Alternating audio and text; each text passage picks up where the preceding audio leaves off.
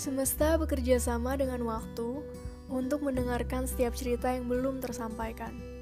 Selamat datang. Semoga bisa berdamai dengan diri dan berteman dengan waktu.